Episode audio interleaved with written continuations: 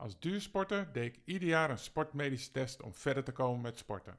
Als ik wist van prostaatkanker, had ik mijn PSA ieder jaar laten checken om verder te komen met leven. Welkom bij de podcastserie van Daisy Medical Partners, waarin Maarten Lefevre in gesprek gaat met artsen, patiënten en patiëntverenigingen om met elkaar te streven naar een optimale kwaliteit van leven voor patiënten. Vandaag gaan we met Kees Vos, die voormalig huisarts en huidig bestuurslid bij de Prostaatkankerstichting is en zelf gediagnosticeerd is met prostaatkanker op 65-jarige leeftijd.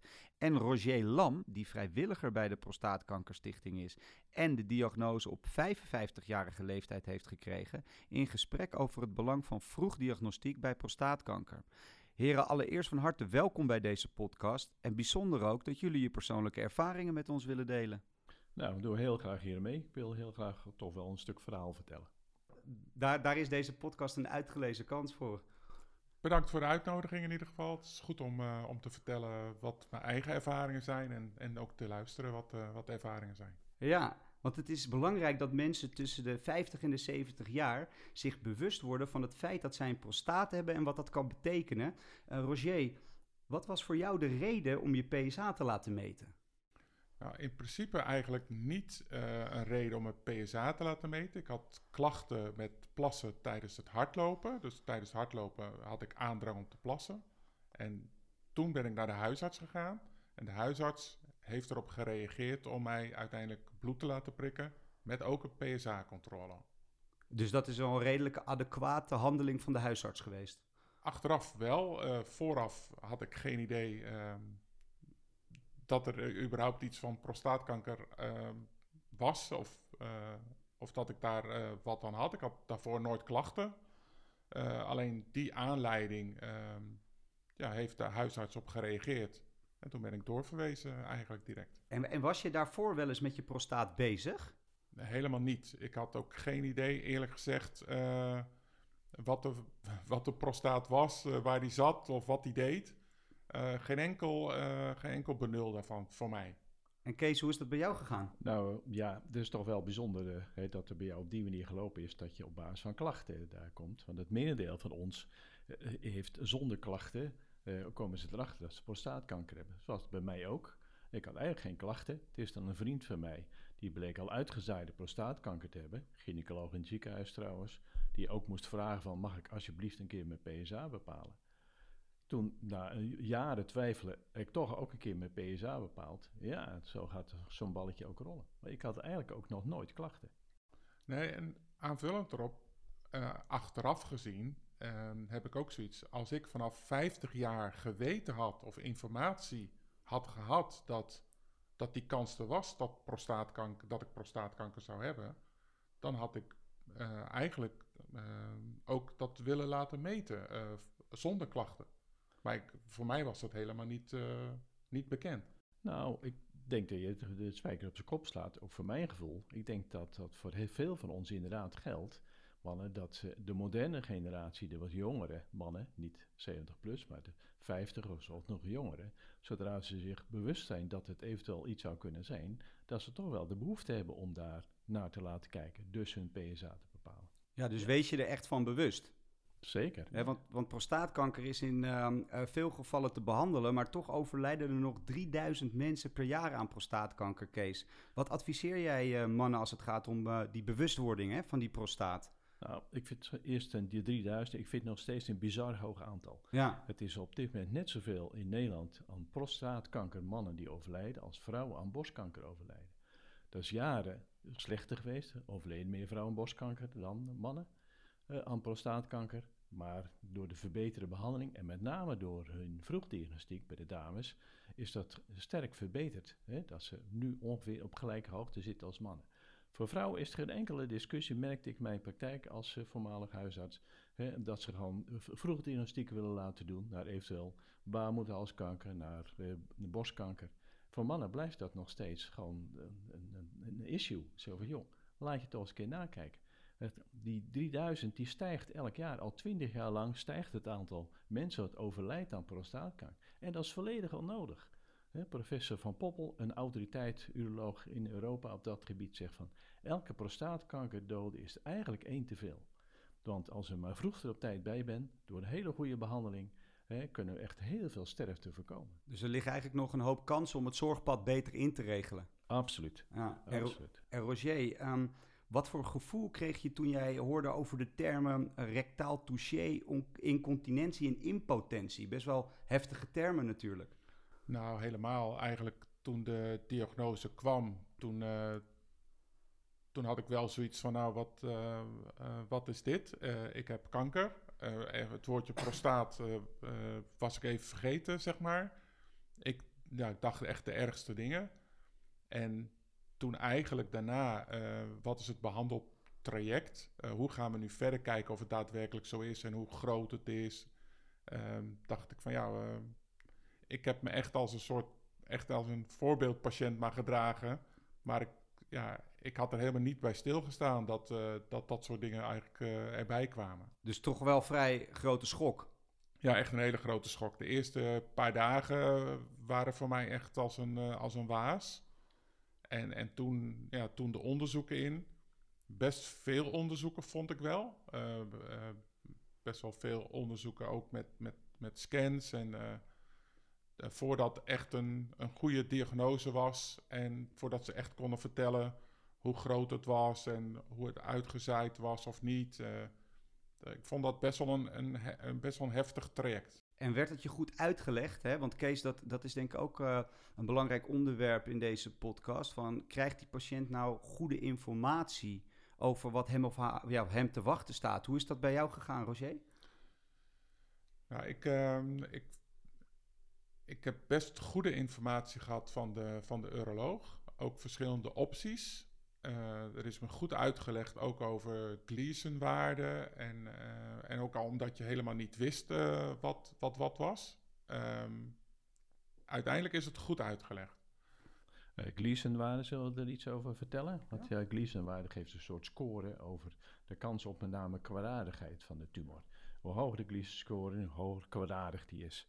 En uh, 6 Gleason-score tussen 0 en 10 is nog steeds een normaal prostaat. Maar 7 zien we al als licht kwaadaardig tot intermediate kwaadaardig. En 8 is al serieus kwaadaardig. Nou, eh, mij is dat echt wel, wel goed uitgelegd. Ehm, moet ik wel zeggen dat ik het moeilijk vond om te plaatsen wat het nu was. Als leek en als eh, nieuw eh, gelukkig in de wereld van patiënt zijn, ehm, heb ik wel nog extra moeten vragen aan de, aan de uroloog. Wat betekent dat dan? En dat is op zich goed uitgelegd eh, wat het was. Oké. En van, vanuit de Prostaatkankerstichting, eh, Kees, hoe merk je dat? eh, ja, wat horen jullie daar eh, terug van de informatievoorziening?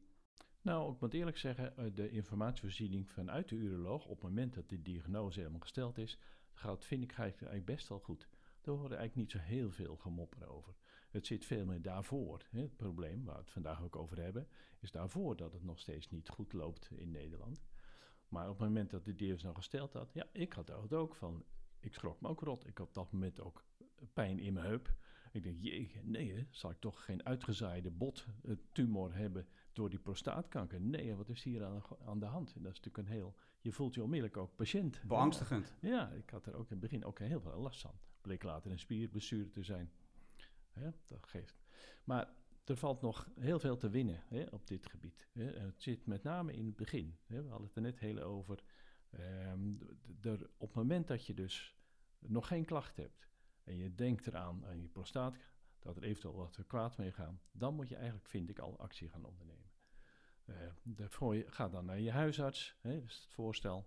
En als je naar die huisarts gaat, vinden wij eigenlijk vanuit de Nederlandse huisartsgenootschap en ook vanuit de PKS dat die huisarts gewoon een aantal dingen gewoon moet doen. Hij moet ten eerste natuurlijk voldoende tijd voor je nemen. Dat is al heel wat. Hij moet je neutraal, uitgebreid en heel diep in principe ook voorlichten daarvoor. Uh, hij moet ook proberen toch op basis van die vertrouwensrelatie die je met je huisarts hebt, daarvan gebruik te maken. En dat moet jou het gevoel geven dat je ook eerlijk en goed wordt voorgelicht. Dus in de shared decision making, zoals het tegenwoordig heet, de gezamenlijke beslissen. Niet meer zoals vroeger dat die huisarts zei van ja, nee, ik vind het wel nodig, ik vind het niet nodig. Nee, goed en heel serieus voorlichten daarin. Dat zijn daar belangrijke elementen in. En praat gewone taal als huisarts. Geen moeilijke medische woorden gebruiken. Dat zijn een aantal ja. voorwaarden. Aanvullend erop, Kees. Ik denk dat er nog iets anders bij komt kijken. Ehm, dat merkte ik wel uh, ook eigenlijk naar de huisarts. Je bent een man, je gaat naar de huisarts toe. En ik merk ook tijdens mijn uh, vrijwilligersbijdrage aan de Prostaatkankerstichting merk ik dat er ehm, ook heel veel ehm, voor de partners is uh, van de mannen met prostaatkanker, maar ook in het aanloopproces, zeg maar. Dus op het moment dat er een, een vrouw zegt van, oké, uh, man, je bent uh, 50 plus, ga eens naar die huisarts.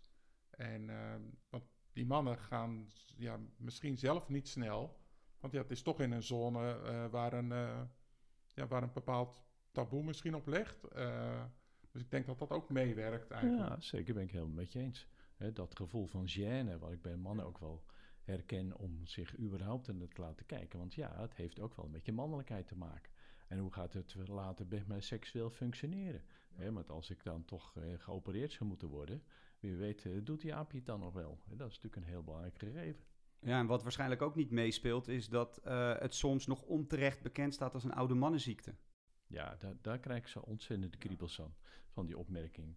Kijk, de, sowieso is de moderne oudere anders dan de, de ouderen van één, twee generaties geleden. Ook de moderne ouder wil nog van alles doen. Die is nog vaak fit genoeg, heeft geld genoeg ook. de, de babyboom generatie om toch maar van alles te gaan doen. Die wil reizen. En die wil eh, toch niet geconfronteerd worden met zo'n diagnose die gewoon in een laat stadium toch wel heel veel vergt aan behandeling waar je veel last van hebt, veel bijwerkingen. Hè? Je wil het liefst eh, dan toch maar gewoon weten van, jong, ben ik nog gezond hè, op deze leeftijd? Ik wil nog zoveel. Ja, ja, ik denk dat dus een hele belangrijke boodschap is. Je zei net shared decision making, maar daarvoor zit denk ik het stukje patient empowerment. Zorg dat je echt zelf het gesprek aangaat, of zelf, of in, uh, gezamenlijk met je partner, hè, Roger, wat je net zo, uh, zo mooi zei. Ja. Nou, ik denk dat dat, dat belangrijk is. Kijk, ik ben uiteindelijk naar de huisarts gegaan uh, met wel een, een klein met een klachtje dan, maar ja, dat, dat leek eigenlijk niks. Maar wel op aanraden van, uh, van mijn vrouw ook. Ja, nou, dat is dan goed, uh, goed teamwork. En, want prostaatkanker kan in de familie voorkomen of een genetisch risico kan de kans op prostaatkanker verhogen. Kees, wat adviseer je mannen waar prostaatkanker in de familie voorkomt of die een bekend genetisch risico lopen? Nou, in zijn algemeen dat geldt voor Denk eraan, laat je nakijken. Overleg met je huisarts. Vermeld dat je een verhoogd risico hebt. Dat betekent bij in de familie dat als er meer dan één, dus twee in de eerste lijn, dus een broer of hè, een, ook prostaatkanker heeft, eh, of je vader, hè, maar als er drie zijn in de familie, bijvoorbeeld ook neven, hè, die prostaatkanker hebben, dan ga je al denken aan een verhoogd risico. Dus niet alleen bij één, maar bij meer familieleden. En als je een genetische afwijking hebt, een hele bekende daarvan is de BRAC2, de BRCA2-afwijking, die bij dames zorgt dat ze uh, verhoogd borstkankerrisico hebben. Ja. en datzelfde verhoogde risico voor borstkanker geeft bij mannen een verhoogd risico op prostaatkanker. Nou, dat moet je weten. Dat weet je natuurlijk anders. Je kan je, kan je niet op na laten kijken als je niet weet binnen de familie dat er speelt. Betekent wel dat je dan ook eerder beter je na kan laten kijken dat betekent voor het verhoogd risico in de familie beneden de 45 en verhoogd uh, risico bij genetische aanleg vanaf 40 jaar, dat je dan al laat nakijken op een uh, verhoogd prostaatkankerrisico. En dat doe je uiteraard door middel van een PSA-bepaling. Dit zijn een beetje de richtlijnen hè, die jij ja, omschrijft nu. Ja. Zeker, ja. ja. Ja, want Roger, um, jij gaf uh, aan dat je klachten natuurlijk zijn ontstaan door het sporten. En toen heeft de huisarts bloed geprikt. Heeft de huisarts toen ook iets uitgelegd uh, uh, over je PSA? Niet echt over PSA, eh, want het was eigenlijk een, wat algemenere klacht. Ehm, en die heeft wel verteld over de prostaat, dat het wat de oorzaken zouden kunnen zijn van het, van het probleem dat ik had, zeg maar, alleen tijdens het sporten. Um, en dat, dat, maar dat ging meer over een vergrote prostaat maar niet echt over uh, dat het prostaatkanker zou zijn of ja, kunnen zijn. Het is toch een beetje bijzonder, de manier zoals jij bij je huisarts bent opgestart met je prostaatkankerontdekking. Meestal is het natuurlijk andersom. Hè? En dat is veel voorkomender, is dat de patiënt gewoon met die ongerustheidsvraag bij de huisarts terechtkomt. En dan is daar de kans natuurlijk eh, om een uitgebreid stuk voorlichting te krijgen eh, van de huisarts. Daar hebben we ook thuisarts.nl voor beschikbaar. Kan je als uh, mensen ook gewoon thuis zelf nalezen. Inderdaad, heel belangrijk eigenlijk dat je inderdaad toch met je partner gaat. Hè. Gewoon, ga er vooral samen naartoe, hè, want dat komt toch heel veel als goed is aan bod in korte tijd. En dan moet je wel toch een beslissing nemen of je wel of niet je PSA laat bepalen.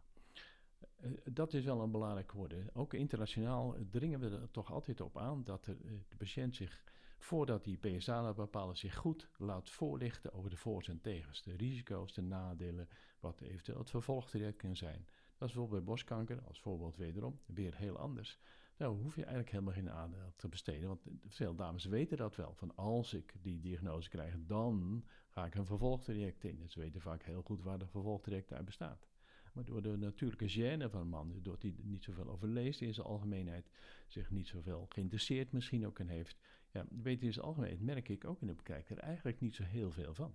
Ja, want het is van groot belang dat de patiënt uh, juist de informatie krijgt. Hè, wat uh, Kees net zei over vroegdiagnostiek. En als patiënten op tijd en juist uh, worden gediagnosticeerd, dan kan een gepersonaliseerde behandeling het aantal sterfgevallen tot een uh, minimum terugdringen.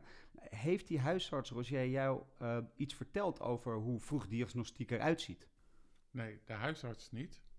Um, omdat eigenlijk alle communicatie over de prostaatkanker bij mij via de uroloog is, is gegaan. En, en, en, heb jij wel van de huisarts informatie gekregen hoe een eventuele behandeling eruit uh, zou zien, of dat ook niet? Nee, ook niet. Ook van de uroloog heb ik eigenlijk de verschillen, verschillende type behandeling gekregen. Die heeft mij uitgelegd, netjes op basis van een plaatje, wat zouden we kunnen doen, hoe zou het eruit kunnen zien, welke opties zijn er. En hoeveel tijd heeft er tussen de doorverwijzing van de huisarts gezeten en het moment dat je behandeling startte? Vijf maanden. Oeh, dat is wel erg lang. Maar dat heeft een oorzaak. Omdat ik een second opinion heb gevraagd. Oké. Okay. Op basis van de, um, de behandelplan wat ik uh, bij de uroloog heb gekregen. Uh, waar ik uh, ja, toch, we het, straks hebben we het een keer over vertrouwen gehad en gevoel. Ja. En ik, um, ik had daar geen gevoel over. En ik, um, ik heb een second opinion gevraagd, wat, uh, wat uiteindelijk, de diagnose bleef hetzelfde. En dat is niet veranderd. Ik had nog steeds prostaatkanker. Alleen het behandelplan is volledig op zijn kop gezet naar bij het nieuwe ziekenhuis waar ik ging. En daar voelde je een stuk prettiger en bij? Daar voelde ik me heel erg oké okay bij. Fijn. En achteraf ook. En, en dus beter gehoord, hè, begrijp ik. En, en dat dus vertrouwen, wat vertrouwen had je dus schijnbaar niet in de eerste uroloog. En hoe kwam dat?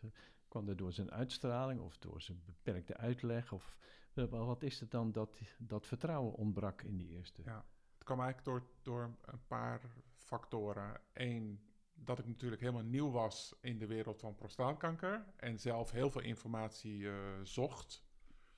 Um, dat er eigenlijk in, de, in, de, in het, voor, uh, het proces voor bepalen wat, welke prostaatkanker heb ik nou, uh, is er ook iets, is er iets vergeten, zeg maar. Dus moest ik opnieuw terug om een nieuwe scan te doen. Um, en uiteindelijk kreeg ik de diagnose. en, um, en moest ik eigenlijk binnen twee dagen bepalen welke optie ga ik voor. Ga ik voor optie 1 alles eruit laten halen, even plat gezegd. En optie 2 bestralen. En dan moest ik eigenlijk in drie dagen moest ik eigenlijk een beslissing nemen. Wordt het optie A of wordt het optie... Ja, en dat is natuurlijk een hele zware beslissing. En dat kon ik niet. Nee, en, uh, begrijpelijk. En toen, ja, het leuke is, toen heb ik s'nachts een keer een mailtje gestuurd naar de Prostaatkankerstichting, naar de lotgenoten. En toen kreeg ik uiteindelijk van de lotgenoten uh, mijn contact. Die belde mij s ochtends op. Hij zegt, gezien de tijd van jouw mailtje sturen, is er iets urgents aan de hand. En hij heeft gezegd, heb je wel eens gedacht over een second opinion? Dus door de lotgenotentelefoon ben ik uiteindelijk, uh, heb, ik een, uh, heb ik gedurfd om een, want het zat wel een beetje durf in, zeg maar, in mijn gevoel, um, om een second opinion te vragen. En dat heb ik uh, gedaan, heb ik aan de arts, de uroloog verteld.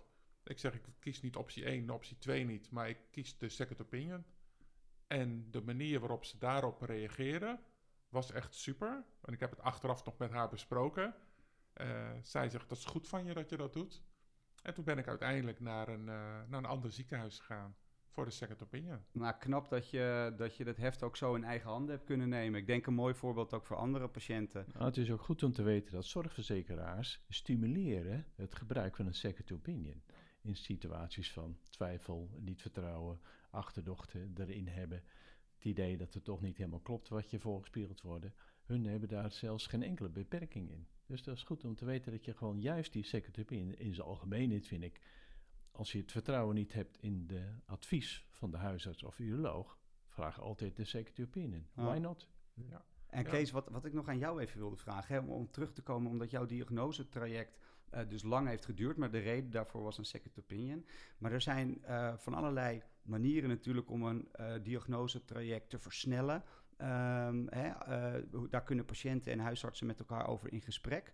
Um, ja, kan je daar een voorbeeld van noemen? Ja, nou, we willen eigenlijk. Er is nu al veel in Nederland verbeterd. We gaan nog steeds verder verbeteren in dat diagnostische traject. In de fase, stel dat je een PSA-bepaling gedaan bij de huisarts en die is te hoog. Wat vinden we in Nederland te hoog? Drie en hoger.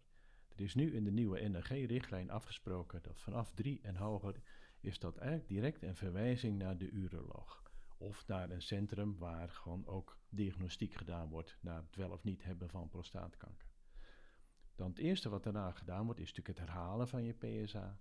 Daarna wordt de prostaatwijzer ingevuld. Dat is een soort beslissingsmodule waarin op basis van bekende gegevens als leeftijd, geslacht, man uiteraard, ja, Uh, op basis van uh, genetische aanleg, op basis van uh, familiaire geschiedenis besloten wordt van wat is jouw risico. Dat bepaalt of je in aanmerking komt van de MRI. De MRI is natuurlijk nu het centrale diagnostische ding in dat hele direct. Als de prostaatwijs goed wordt ingevuld, is ongeveer 40% van alle MRI's niet meer nodig. Als de MRI's gedaan wordt, die is heel bepalend voor de, hoe het er, de kans, hoe het verder gaat lopen. Laat die MRI afwijkingen zien, dan wordt er een biopsie gedaan. Niet meer zoals vroeger een blinde biopsie, uh, dus hapjes uit de prostaat via de darm. Wat dat geeft is A, een vervelend onderzoek. B, is dat ook een onderzoek die een hoger infectierisico heeft. Het wordt nu gedaan via het perineum, dat is de ruimte tussen je balzak en je anus. En dan wordt het verdoofd. Dat is, ik heb het zelf gehad. Dat is eigenlijk een nauwelijks pijnlijk ingreep. En dan kan je heel gerecht, heel direct, waarbij ze de, het beeld van de MRI over het beeld van de dan gemaakte echo leggen, kunnen ze heel precies mikken in de afwijkende plekjes. En nou, dat geeft al een heel veel duidelijke winst. Dus het diagnostisch traject is sneller, korter en veel minder belastend. Daarnaast hebben we natuurlijk, als ik er wat over vertellen mag, de verbeterde behandelmogelijkheden. He, tegenwoordig hebben we de robot waarbij geopereerd wordt. Niet meer via een open buikprocedure, maar gewoon via de Da Vinci-robot. Uh, de bestralingsmethodiek is ook sterk verbeterd, is ook veel minder beschadigend en belastend. Er komt een heleboel medicatie, is er al in ontwikkeling. Niet alleen de antihormoontherapie, maar ook de immuuntherapie. Cytostatica krijgen steeds mindere plaats daarin. Dus dat zijn allemaal redenen waarom het hele traject zoveel verbeterd is. En dat betekent dus dat er als er minder overdiagnostiek en minder overbehandeling is, dat het steeds zinvoller maakt om grote groepen mannen te gaan zoeken naar een, een afwijkend PSA. En, en uh, helder uh, verhaal, denk ik. En uh, je kan natuurlijk worden doorverwezen naar een ziekenhuis of naar een anderhalve lijstcentrum. ja, kan je daar wat over, over zeggen, waar patiënten uit kunnen kiezen? Ja, patiënten kunnen in principe tegenwoordig kiezen. Het hangt een beetje van de regio af. En er zitten grote regionale verschillen. In het algemeen hebben wij als prostaatkankercentrum wel de voorkeur dat patiënten verwezen worden naar een expertcentrum. Dus een centrum waar gewoon heel veel expertise is, extra, juist over prostaatkanker. Nou, daar zit nog wel heel veel verschillen tussen provincies in in Nederland. Uh, de eerste onderzoek, en die is eigenlijk niet zo heel complex. Het eerste onderzoek is het doen van een echo, prostaatwijzer invullen, eh, een MRI eventueel maken. Uh, als dat nodig is. Nou, dat kan ook prima in allerlei soorten ziekenhuizen gedaan worden. Bijvoorbeeld nog expertcentra. En dat kan ook een anderhalf lijncentra. kan dat gebeuren. Die zijn ook eh, toegericht daarop. Hè, er zijn een aantal centra in Nederland, zelfstandig behandelscentra, die prima MRI's kunnen maken met goede kwaliteit. En die kunnen ook uitstekend een rol spelen in dit hele vroegdiagnostiek traject. En eh, ehm, eh, gaat dat ook sneller dan in een gewoon ziekenhuis? Of hoe moet ik dat zien? Nou, de wachttijd varieert ook wat. In zijn algemeenheid zijn inderdaad zelfstandig behandelklinieken hebben wel wat kortere wachttijd, maar dat verschilt wel per regio hoor. Ja, goed Eh, uitzoeken dus. Ja, dat scheelt echt.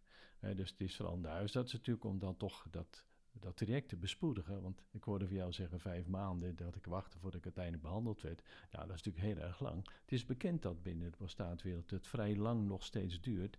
Eer dat uiteindelijk een, een goede diagnostisch traject is ingezet, overleg is geweest, gesproken is met de patiënt. Wat gaan we nou wel of niet doen? Uiteindelijk wordt een afspraak van een operatie of bestraling of wat dan ook gemaakt. Hè, dat kost nog steeds heel veel tijd. Ja. Dat moet ook sneller. Ja, en we, we willen eigenlijk ehm, aan het einde een beetje hè, van deze podcast ook de doelgroep een tip meegeven. Eh Roger, eh, wat zou jij mannen tussen de 50 en de 70 jaar of jongeren, eh, als prostaatkanker in de familie voorkomt of als er een ja, genetische mutatie bekend is, wat, wat zou je zo voor tips willen meegeven met alle kennis die jij nu hebt ja, vanuit je eigen proces? Nou, kijk, als ik echt vanuit mezelf kijk, ik had het graag willen weten ehm, wat mijn prostaat eh, deed en waar het, waar het risico zat eh, eh, op prostaatkanker. En ik had, als ik het geweten had, dan had ik vanaf mijn vijftigste had ik het gewoon willen laten testen. Ja, toch dat bewustzijn hè, van mannen die geen klachten hebben, dat, dat kwam aan het begin natuurlijk ook heel erg ter sprake. Ja. Want we, we merken dat als mannen geen klachten hebben, dan gebeurt er eigenlijk ook niets. Dus daar ligt een hele grote winst. Ja, ik zou zeggen als algemene mannen, stap over je gêne heen. Partners, praat met je, met je mannen. Ga samen naar die huisarts. Wees je bewust dat je een, een kankerrisico hebt. Dat is nu eenmaal zo. Stop je hoofd niet onder de, onder de grond. Wees bewust dat dat kan. Je wil ook nog lang en gezond en blij en vrolijk leven. Eh, dus eh, neem actie. Doe wat. Laat, het, laat het niet lopen. Ja, en eh, ik merk gewoon heel erg, ook al ehm, ieder jaar, ik, ik ben een duursporter en ieder jaar doe ik een sportmedische test. Dat doe ik niet omdat ik klachten heb. Dat doe ik omdat ik verder wil met wat ik aan het doen ben. En in mijn geval was dat sporten. Dat deed, dus als we het hebben over leven, Zou je het Dus helemaal dan moeten zou doen? ik het ook moeten doen. Ja. Dus ik deed die testen omdat ik verder wilde met mijn sport. En ik zou eigenlijk een, een PSA-controle vanaf mijn vijftigste had ik willen doen om verder te gaan met leven. Dus voor mij eh, had dat een no-brainer geweest zeg Ja. maar, om te doen. Hele belangrijke boodschap. Ja. Kees, wil jij nog iets meegeven eh, aan zowel patiënten en huisartsen als het gaat om het belang van vroegdiagnostiek? Nou, eh, voor de patiënt hoop ik dat dus nu de boodschap een beetje overkomt, helder is. Zo van jongens, neem actie. Hè? Laat het niet lopen. Hè? Stop je hoofd niet onder het grond. Voor de collega's geldt van er komt een nieuwe richtlijn nu aan. Hè? We willen heel graag toch dat de patiënten de mogelijkheid krijgen om een PSA te bepalen. En als je daar goed voorlichting aan de patiënt, uitgebreid, neutraal, eerlijk, oprecht, patiënten tijd geeft in normale taal heb uitgelegd hè, wat de voor's en tegens zijn. En als de patiënt dan toch vraagt van dokter, ik wil graag een PSA-bepaling, dient hij die ook te krijgen. We leven niet meer in de tijd dat wij paternalistisch bepalen voor onze patiënt wat wel en niet mag. We leven in de tijd dat we met elkaar proberen gewoon tot voor overeenstemming te komen. Wat we zo vaak juist doen, ook als huisartsen. We zijn niet anders gewend tegenwoordig in deze moderne tijd om te overleggen met je patiënt en zoveel mogelijk daar toch samen een goede beslissingen te nemen. Geldt natuurlijk ook voor dit. Ook voor het prostaatonderzoek, vroegdiagnostiek geldt. Samen in eerlijkheid en evenredigheid beslissen. Ik denk een mooie afsluiter van, eh, van deze podcast. Mannen, hartelijk dank dat jullie zo open en eerlijk ook over jullie eh, eigen privésituatie eh hebben willen praten. En eh, hopelijk tot de volgende keer. Graag gedaan. Graag gedaan. Dankjewel. Deze podcast is financieel mogelijk gemaakt door het MRI-centrum. De hierin besproken meningen en ervaringen zijn afkomstig van de geïnterviewde personen. Het MRI-centrum heeft geen invloed op de inhoud gehad.